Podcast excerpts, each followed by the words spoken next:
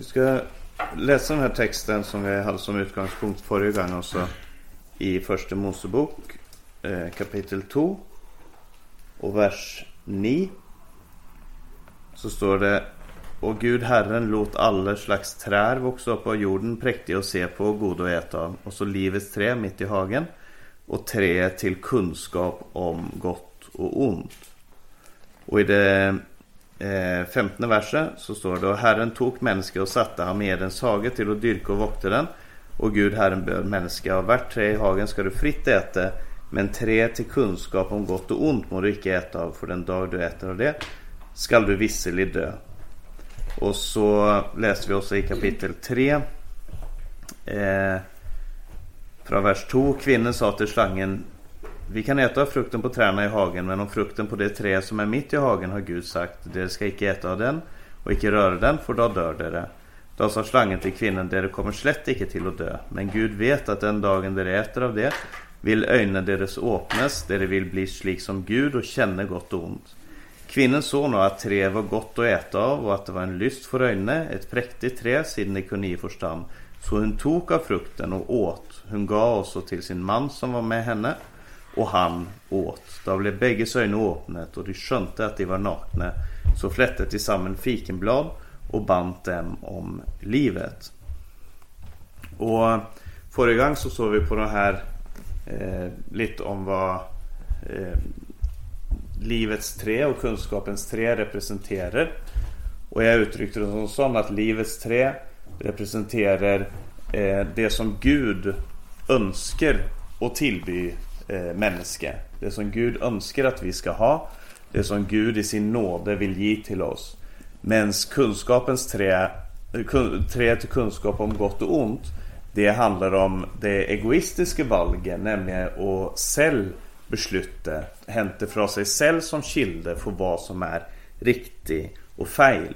Det handlar alltså inte om att veta vad som är gott och ont. Alltså det kan höras ut som det när det står tre till kunskap om gott och ont. Men det här kunskap eller att känna Det är alltså att själv uppleva. Och det är det här som är utgångspunkten Alltså att jag själv är utgångspunkten för vad som är gott och ont. Eh, Och så står vi det här i Ordspråksboken Om eh, visdomen som ett livets trä. Och det är flera gånger i Ordspråksboken faktiskt Vi gick inte in på det idag men det är flera gånger som livets trä blir omnämnt i, i Ordspråksboken. Men det har hela tiden den här betydningen och veta hur man ska leva i harmoni med Gud. Och veta hur man ska förhålla sig till Gud. Eh, och så såg vi hur det här tre står som, står som ett valg. Från Guds sida så är det en, en tillbud om att, om att eh, ta det här valget för att, för att möta Gud. Men i eh, djävulens eller slangens tillfälle där slangen tar tag i det här träet då blir det till en fristelse för det att han manar på det som är eh, egoism, som är eh, ugudaktighet, ugudlighet i människa. Det är det han lockar fram och som han önskar som resultat. Eh, och vi såg också hur det här gentar sig gång på gång i skriften. Det samma terminologin, den samma måten att uttrycka sig på. Eh, handlar om, om att se, och begära och ta och ge. Eh, och på den måten så blir eh, den här gudsupprör, det här gudsuppröret blir sprätt runt omkring. Genom att man ser Noe som man begärer, som man tar till sig och ger till andra. Eh, och så såg vi hur profeterna också talat om det här. Att Gud kallar på människor och säger Jag skulle önska att du ville komma och spisa av det som jag däcker på bordet. Jag skulle önska att du ville komma och eh, ta del av det som jag tillbyr dig. Och gång på gång i historien så kallar Gud på sitt folk och säger Kom till mig eller så vill dere få spise konsekvenserna av deras egen synd. Dere vill få uppleva vad det är och bli eh, överleverat till deras egen synd. Och det är det som sker då då Assyria intar Israel. Då Babylon intar Juda och ockuperar och, och för Babylon, dem bort i fångenskap. Det är det som sker då Antiochus Epifanes vanhelliger temple i mellomtestamentlig tid. Och det är det som sker då romerna kommer med sina härer och intar Israel också. Och eh, det det handlar om är att när vi kommer fram till Jesus så, så är Israel ett land som har varit ockuperat fra och till i många hundra år. Det är eh, människor som nästan inte har upplevt självstyre. Och därför så eh, lever man under en, en övermakt. Och man väntar också på att Gud ska sända sin Messias som ska sätta dem fri från den här övermakten. Eh, man väntar på en ny Moses, man väntar på en ny Josva, en ny eh, Nehemja, en ny Esra, någon som kan föra dem tillbaka till landet, en ny Zerubabel som kan eh, genupprätta det man hade. Men där Jesus kommer så, ser han att, så pekar han på att problemet är egentligen icke romerike som det har över det. Eh, problemet är närmare än som så. För att den, eh, det missbruk som, rom, som romerna eh, utövar på dere det är det samma missbruk som dere utövar på de människor som står under dere. Och det är därför som Jesus begynner att invitera syndare, publikanere, de som var eh, prostituerade, de som var fattiga, de som var blinda, de som var utstött på en eller annan måte i samfundet. De som var satt till sida, de inviterar Jesus till Guds rike. Och han säger det är det Guds rike handlar om och i utgivande kärlighet ta emot varandra. Det är att göra det som Gud hade tänkt. Och Så de får uppleva på sig själv resultatet av, av tre till kunskap om gott och ont. Och det övergriper på alla dessa nivåerna. Eh, så kommer vi till Matteus kapitel 4 och jag vet att vi läste det här, eh, något av det, då vi eh, eh, talade om slangen. För det att här står det om fristeren, Satan, djävulen och så vidare. Men i, om vi ska läsa någon vers till i Matteus evangeliens fjärde kapitel. Det är alltså där Jesus blev fört ut i örkenen för att fristas av djävulen. Och det är ju intressant för det att Eva blev fristet i en hage där hon hade möjlighet eh, eh, nyte av alla frukterna runt omkring. Jesus blir fristet i en örken där det inte finns någonting att ta, och, och slucka törsten eller slucka hungern med. Han fastar dessutom i 40 dagar och blev till sist sulten, står det. Eh, men vi, ska, vi läser här från vers 5. Så står det, då tog djävulen han med sig till det helige stad och stilte han på templets tinde. Och han säger till honom, är du Guds son så kasta dig ned. För det står skrivet, han ska ge sina änglar befaling om dig och de ska bära dig på händerna för att du icke ska stöta din fot mot någon stein. Jesus sa till honom, det står också skrivet, du skall icke frista Herren din Gud. Igen tog djävulen han med upp på ett meget höjt fjäll och visade ham alla världens riker och deras härlighet. Och han sa till honom, allt detta vill jag ge dig, där som du vill falla ner och tillbe mig.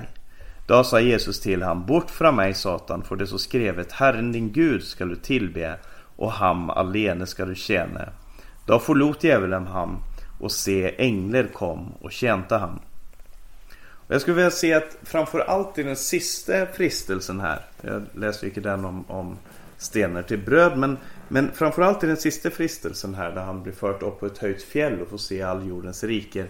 Den syns jag ha många paralleller till Adam och Eva i Edens hage. För det att eh, i Esekiels bok så får vi veta att Eden låg på ett fjäll. Vi får veta att eh, du som hade din bolig eh, på, i Edens hage på Guds fjäll står det där.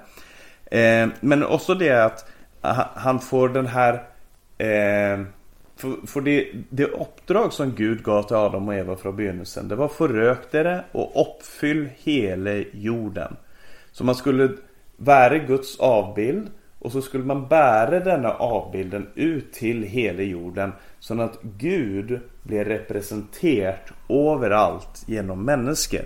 Det var tanken. Och nu säger djävulen att visst du faller ner och tillber mig så skall du få jordens härlighet. Alltså, han pekar på den härlighet som Gud hade gett till jorden. Eh, som var partiell för det att Guds härlighet var inte fullkommen där. Men det var en härlighet. Det är en härlighet som hör jorden till. Eh, och han pekar på allt det och så säger han du kan, få, du kan få allt det här. Det kan tillhöra dig om du faller ner och tillber mig. Alltså om du blir mitt avbilde. Om du blir i mitt bilde istället för i Guds bilde. Om du blir min son istället för Guds son och så vidare. Så, så kan du få allt detta eh, mot att du faller ner och tillber mig. Det handlar alltså om Hvordan vinner du makt Jesus? Och det spörsmålet för oss i en värld situation också. Hvordan eh, blir vi det som, som vi menar att vi ska vara? Om det handlar om makt, om det handlar om positioner, om det handlar om hur vi ska överleva, hur vi ska ta hand om vår familj, hur vi ska tjäna Gud. Vad det än handlar om så är det det här valget mellan ska vi göra det på Guds måte som är många gånger ydmykande för oss. Som, är, eh, som placerar oss, som Johannes talar om, att han må växa, må växa till och jag må bli mindre. Eller ska vi ta det till oss på den mått som djävulen tillbyr som är att få den härligheten eh, härske, styre med makt och vara eh, om du vill få sig ett namn här på jorden. Och det är det valget i stora ting såväl som i små som vi dagligen stilles inför. Om vi ska vinna Eh, respekt genom lögn, om vi ska vinna respekt genom våld, om vi ska eh, få människor med oss genom manipulation eller om vi ska välja att gå det som är Guds väg som är utgivande kärlighet i alla ting. Och eh, i det här fallet så står det här att Jesus stod där vår Adam och Eva fallt. Där vår hon så begärte, tog och gav. Så står det att Jesus säger Gud har sagt. Det står skrivet. Gud har talt och det är ännu på diskussionen. Herren din Gud ska du tillbe. Ham alene ska du tjäna. Och i Adam och Evas fall så blev deras fall Fick deras fall eh, som resultat att de blev slängt ut av Eden och för, fört ut av Eden och två keruber blev satt vid ingången till Edens hage Eh, med ett flammande svärd som gick till alla sidor och som hindret vägen till, eh, till livets trä. Men i Jesu fall där han har stått genom fristelsen så står det att änglar kom och tjänte han. Och även om änglar är andra väsener än keruber så är det i vart fall eh, vad hade skett? Det, det ger ett, en tanke, en sån kontrafaktisk tanke. Vad hade skett Visst Adam och Eva hade stått genom fristelsen? Visst de hade sagt nej?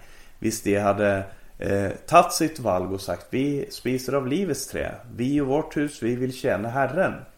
Vad hade skett om man hade gått den vägen? Det står om Jesus, änglarna kom och tjänte han. Och det är ju många likheter som sagt. Vi läste den här texten förra gången också. Jag tror att det, det är många likheter mellan studiet av djävulen och studiet av eh, de, två träna, livets tre och tre, till kunskap om gott och ont. Det, de, de hänger samman. För det, det handlar om detta. Hur ska jag bli det som eh, jag är ment att vara? Ska jag ta utgångspunkt i att min vilja ska ske eller ska jag ta utgångspunkt i att Guds vilja ska ske? Och i Matteus kapitel 26 och vi ska hoppa alltså från den ena änden av Jesu verksamhet helt till den andra. För det att selv om hela Jesu liv eh, har det här präget, det här, bärer den här eh, kampen med sig. Kampen mot ondskapen och kampen emot eh, mot den mänskliga måten att göra ting på så, så tror jag att det blir för mycket om vi ska gå igenom allt sammen. För det är det, det det handlar om att vara en discipel och bli mer lik Jesus i alla ting. Och se på Jesus och formas efter hans bilder, fascineras av han, eh, tillbe han och så bli formet i sitt eget sin efter den man tillber. Men i Matteus 26 som sagt då kommer vi fram till eh, det som skedde i Getsemane. Om planer på att dräpa Jesus, om, om det sista måltid och så vidare. Eh, och där står det i vers eh, eh 39. Det här är då, då Jesus ber i Getsemane. Vi kan läsa från vers 36. Så kom Jesus med dem till ett sted som heter Getsemane och han sa till disciplinerna. Sätt er här medan jag går dit bort för att be. Han tog med sig Peter och de två Sebedeus-sönerna och sorg och angst kom över honom. Då säger han till dem Min själ är bedrövet intill döden. Bli här och våk med mig. Och han gick ett litet stycke fram, fall på sitt ansikte och bad Far, är det möjligt så la denne kalk gå mig förbi, men icke som jag vill, bara som du vill. Och den här bönnen Jag vet inte hur de hörde Jesus be. Det står att han gick ett stycke ifrån dem. Enten så bad Jesus höjt eller så fick, de, fick de veta efterpå vad det var Jesus hade bett. Eller så är detta genom en gudomlig uppenbaring till evangelieförfattarna. Men i vart fall så är Jesu bön eh, en del av den bön som vi ber i Fader vår. Se din vilje så som i himlen så också på jorden. Och i det här där Jesus visste vad som skulle komma. När Jesus såg vilken väg det bar. Eh, så kommer han i angst, står det. Min själ är bedrövet intill döden. Sorg och angst kommer över han. Och så det är ju den värsta anledningen till att, eller det, då det är som vanskligst att välja något som icke gör saken bättre. Eller för att säga det så. Det är väldigt lätt att offra när man har mycket pengar. Det är väldigt lätt att ge av sin tid när man likväl inte har något annat man skulle göra.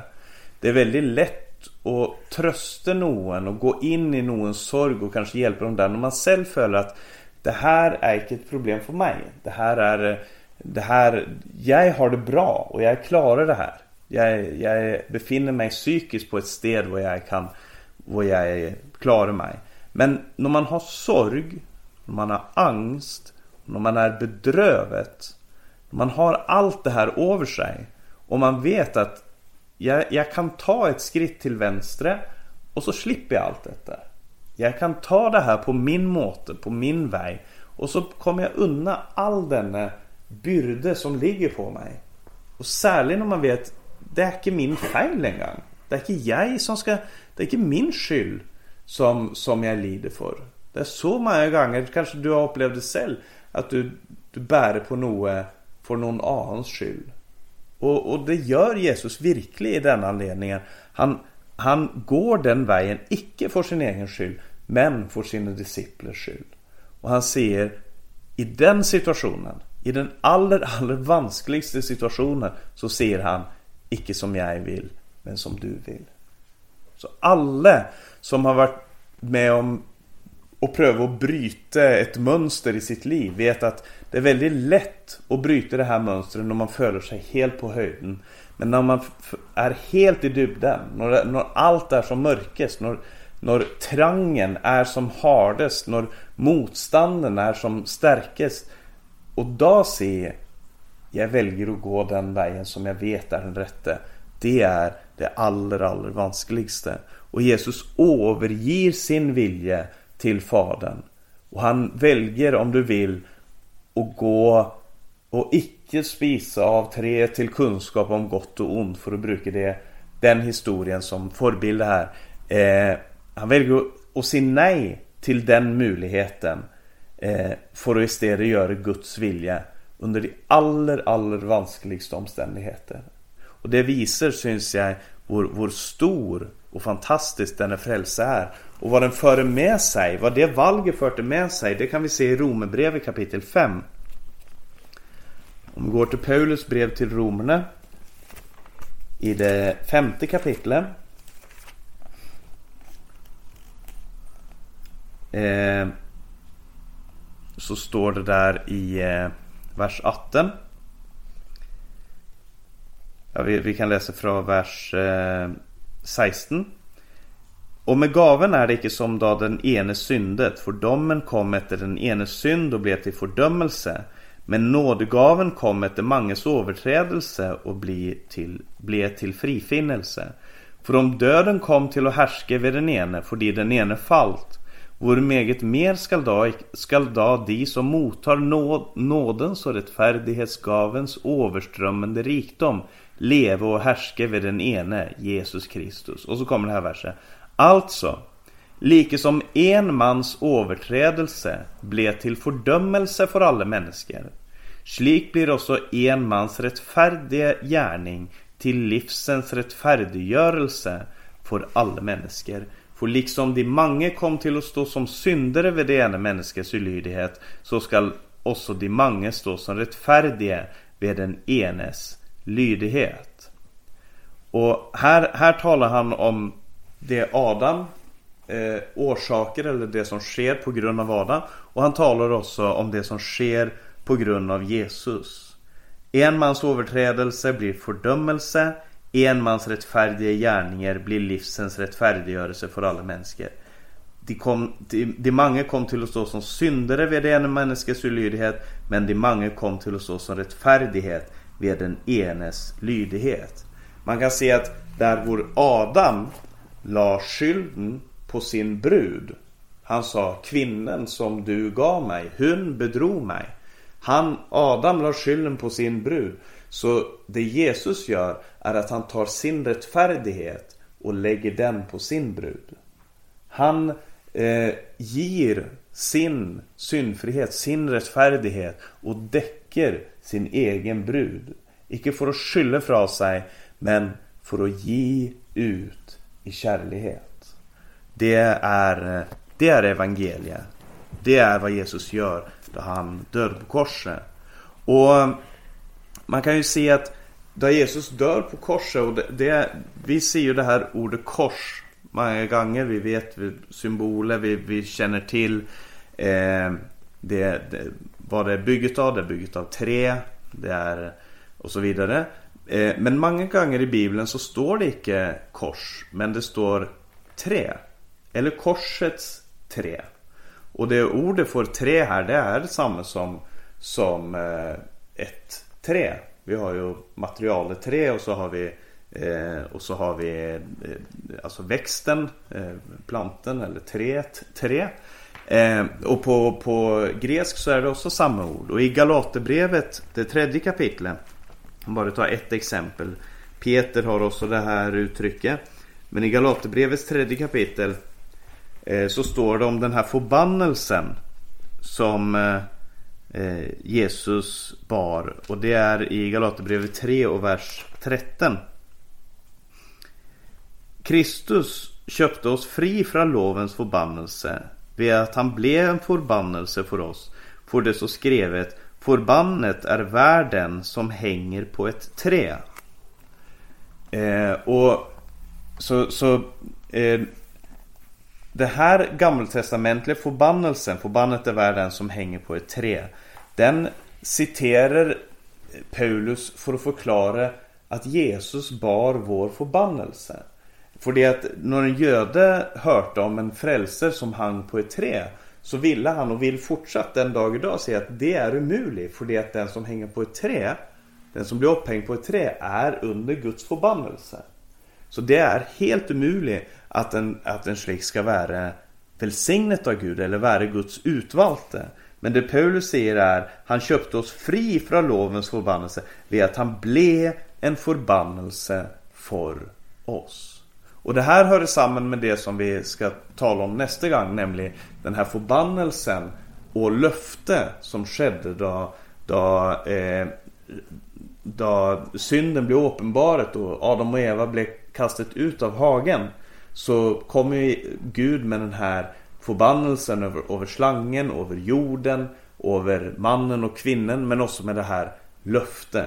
Men, men eh, eh Jesus gör rätt och slätt förbannelsen till välsignelse. Vi vet att där Akan syndet, där han gravde ner i sitt tält med, la ner det här sulle och guldet och den manteln som han hade sett, begärt och tagit. Då han gravde det ner i sitt tält och så blev det uppenbaret och han och hans familj är döda på grund av den synden. Så står det att den dalen blev kallad för Akors dal. Akors dal. Men om man går till, till eh, Hosea så ser Hosea där han talar om hur Gud ska frälsa sitt folk. Hur Gud ska dra sin brud till sig och älska henne på nytt till trots för hennes synd, till trots för hennes begär efter andra eh, härskare, efter andra gudar, efter andra män. Så står det Och jag vill göra Akorsdal till en hoppets port. Jag ska ta förbannelsens dal där synden manifesterade sig, där fallen manifesterade sig, där människors begär leder till synd, leder till död. Den processen ska jag ta och göra till liv. Och det är det som sker på Golgata. Gud tar den processen som är människes själviskhet, egoism, maktmissbruk, eh, hat, våld, allt detta eh, romerrikets anspråk, yppersteprästernas frykt för att mista makt, Pilatus människefrykt och så vidare. Allt det som är människets fall i sin höjeste potens. Det tar Gud och gör till ett livets träd. Han tar allt det där som vi i vår synd kastat på honom. Det tar han och förvandlar tortyrredskapet, mordredskapet, detta elaborerte eh, tortyrredskap man har funnit ut hur kan vi påföra människor mest smärta genom att låta dem hänga med armarna utöver eh, och, och slå dem till de är halvdöda och så låta dem hänga i timmar, i dagar till de icke längre kan pusta och hjärtat brister. Det tortyrredskapet, det tar Gud och gör till ett livets trä. Det är Akorsdal till Håpes port. Det är förbannelsens trä för dig och mig. Gud bärer vår synd. Jesus Kristus bärer vår synd. Det blir ett nytt livets trä. Och apostlarna såg också Jesus som det här livets träd. Även om de inte brukar den, den eh, formuleringen. Från som sagt, livets tre står bara nämnt i Första Mosebok, i Ordspråksboken och i Johannes uppenbaring. Men det står, om vi läser i Första Johannes kapitel 5. Käre Gud.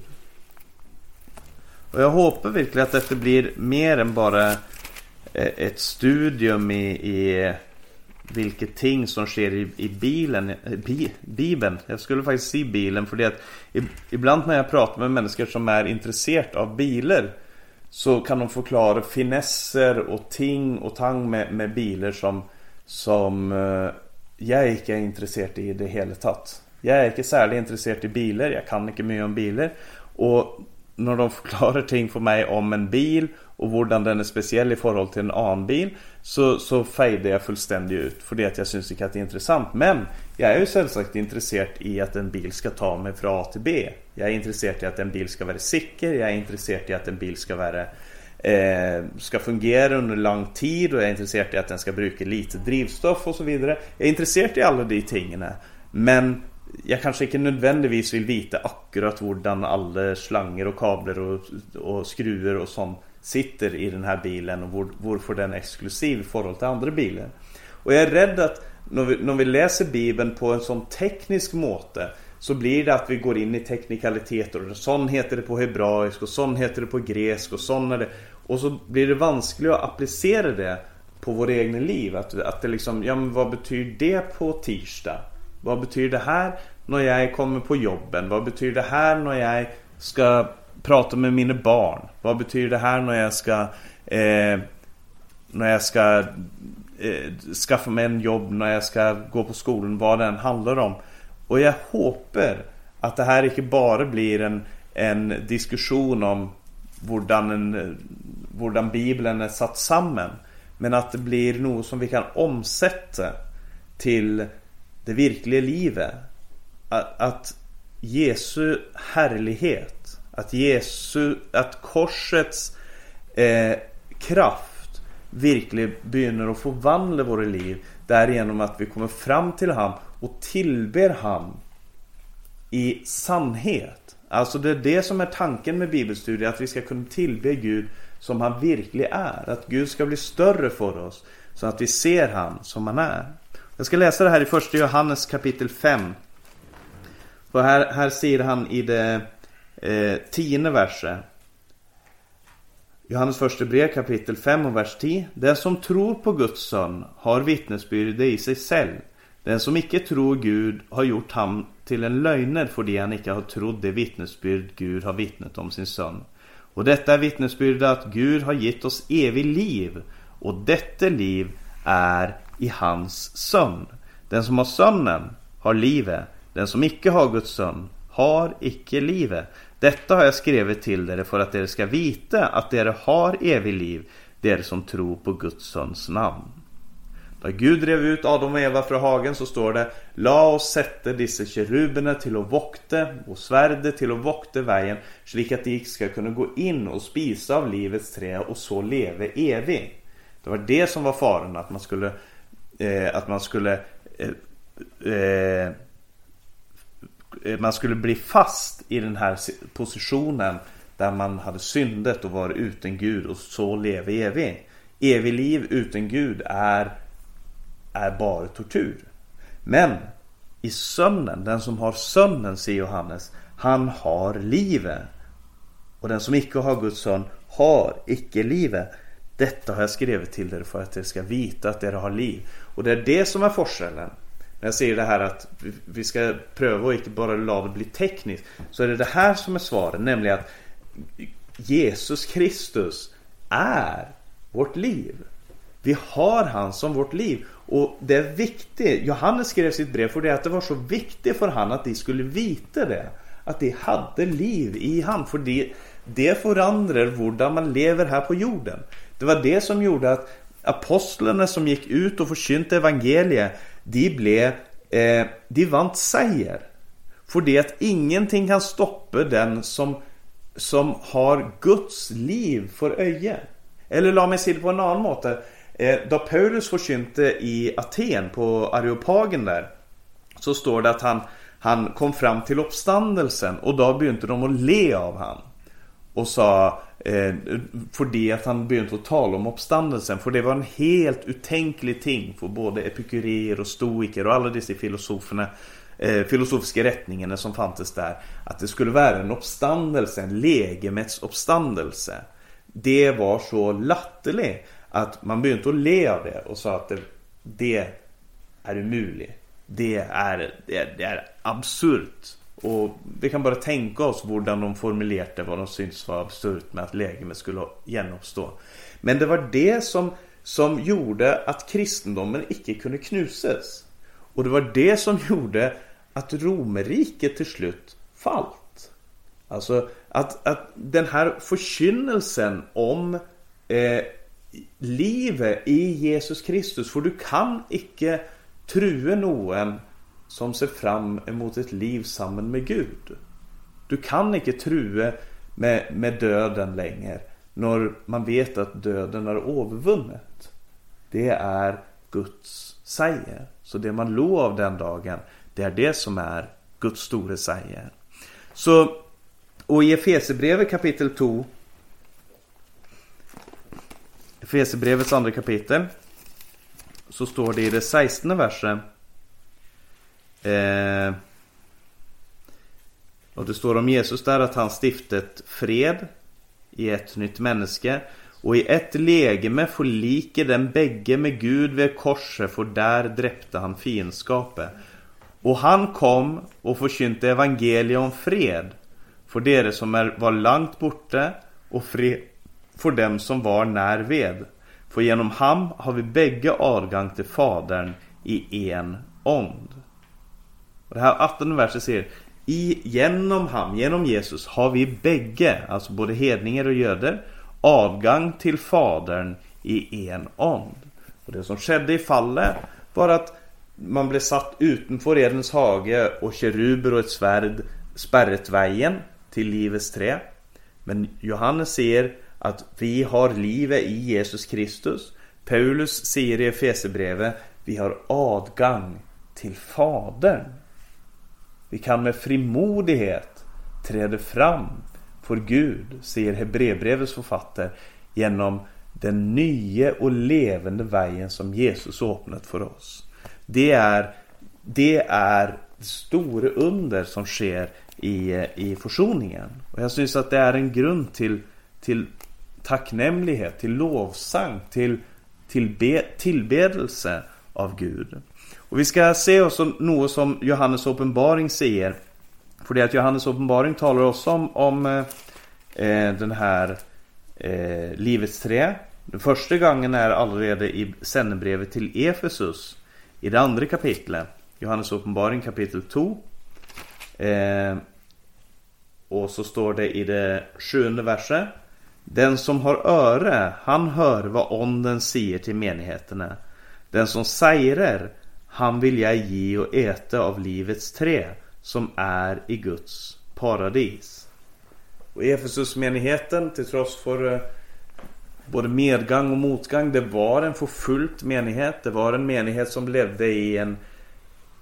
Alltså vi, vi har betydligt större möjligheter, större religionsfrihet, möjlighet att uttrycka oss och så vidare än det vi hade. Det var i Efesus som Paulus höll på att bli dräpt. Eh, det var i, i Efesus som eh, Johannes eh, eh efter kyrkehistorien eller vad man ska säga eh, där Johannes också blev hållit på att bli dräpt och det var där han bodde efter sin fångenskap i, i, på Patmos.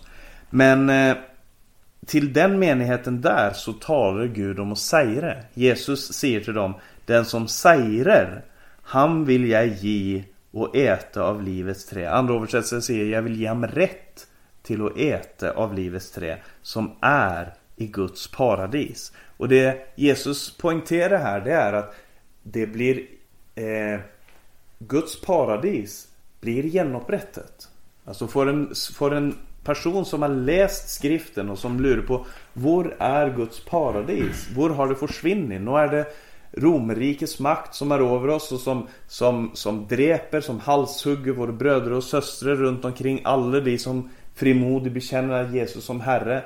De blir dräpt, de blir förföljda, de blir kastade i fängsel och så vidare. Eh, och Gud säger, den som vinner säger, den som håller ut. Han ska få del av livets trä i Guds paradis. Han ska få del av det paradis som Gud har lovat oss. Det är en tröst till att hålla ut och vinna seger. Det är ett löfte som framförallt eh, tror jag berör den som känner skriften, som känner till vad Bibeln säger om livets trä, om Guds paradis. Och i visionen om det nya Jerusalem som kommer i kapitel 22. Då skönner ni att vi har inte mycket igen på det här mötet. Nu har vi kommit helt till Bibelns sista kapitel. Eh, I kapitel 22 så står ju det nya Jerusalem beskrivet. Och där eh, är igen det här livets trä och livets vann till stede. Det står i det första verset där och han visade mig en älv med livets vann, klar som kristall. Mm. Ja, eh, Johannes uppenbaring 22. Apokalyps. Apokalyps 22. Sista, sista kapitlet i Bibeln. Eh, sista bok, sista kapitel. Ja. det första versen.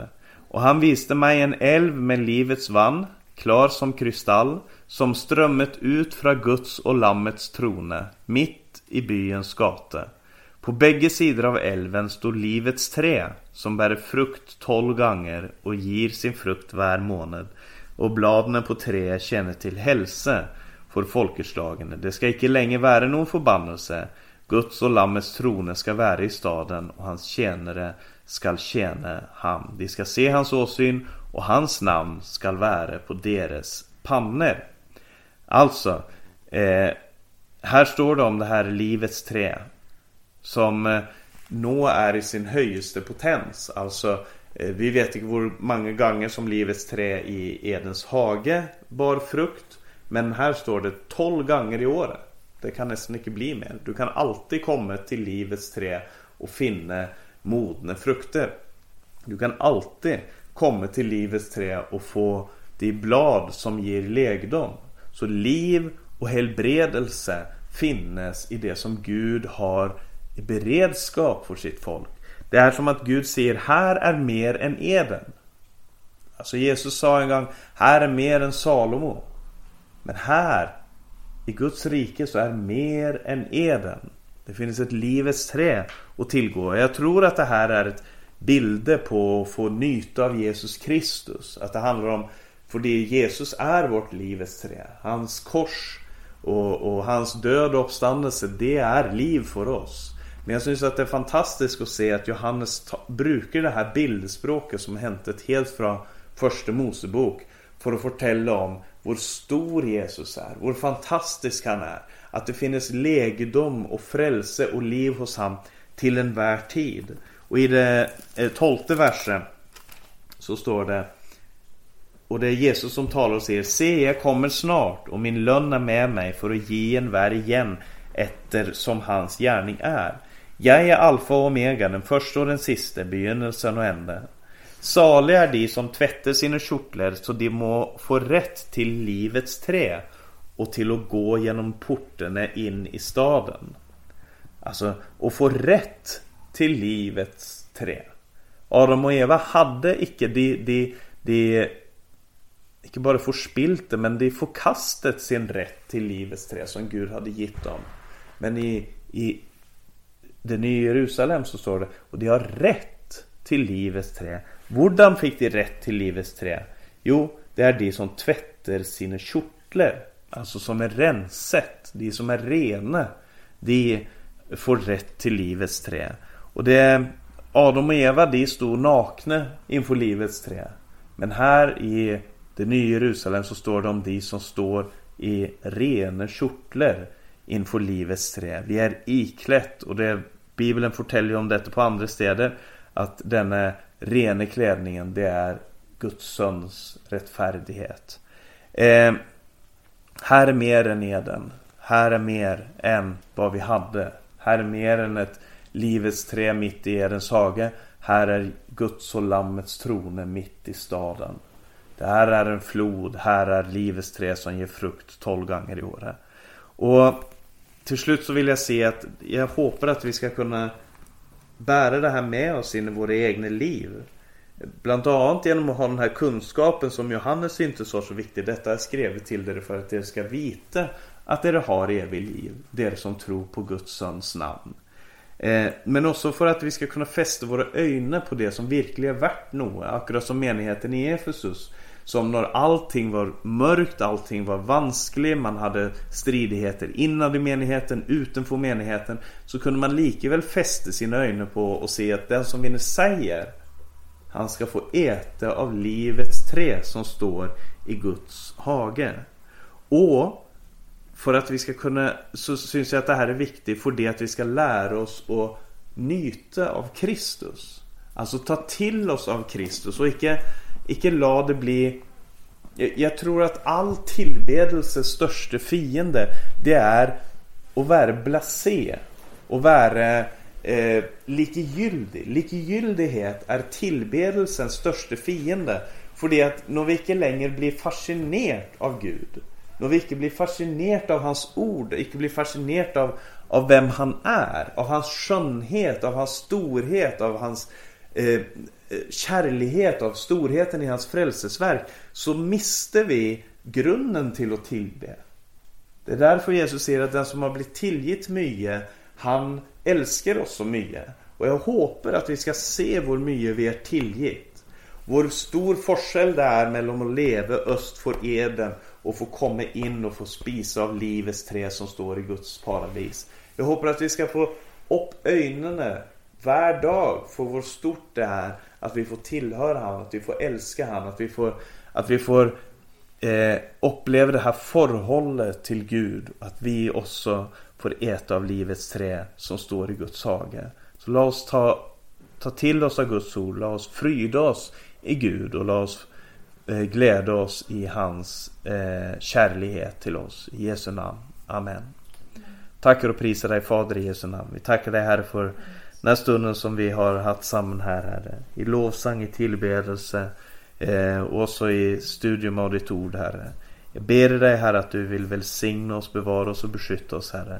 Du ser också idag den som har det vanskligt, den som tvivlar, den som har angst, den som har motstånd i sitt liv. Jag ber dig Fader i Jesu namn att du vill hjälpa oss och liksom du lägger vår vilja i dina händer Herre. Att vi ska lägga våra liv Herre i dina välsignade händer. Att vi ska söka efter dig, att vi ska söka efter och, och tjäna dig. Att vi ska njuta av dig och att vi ska få smaka och se att Herren är god och att det ska få bli vår enaste lyst här i livet. Jag lovar och prisar och tackar dig för allt. I Jesu Kristi namn. Amen.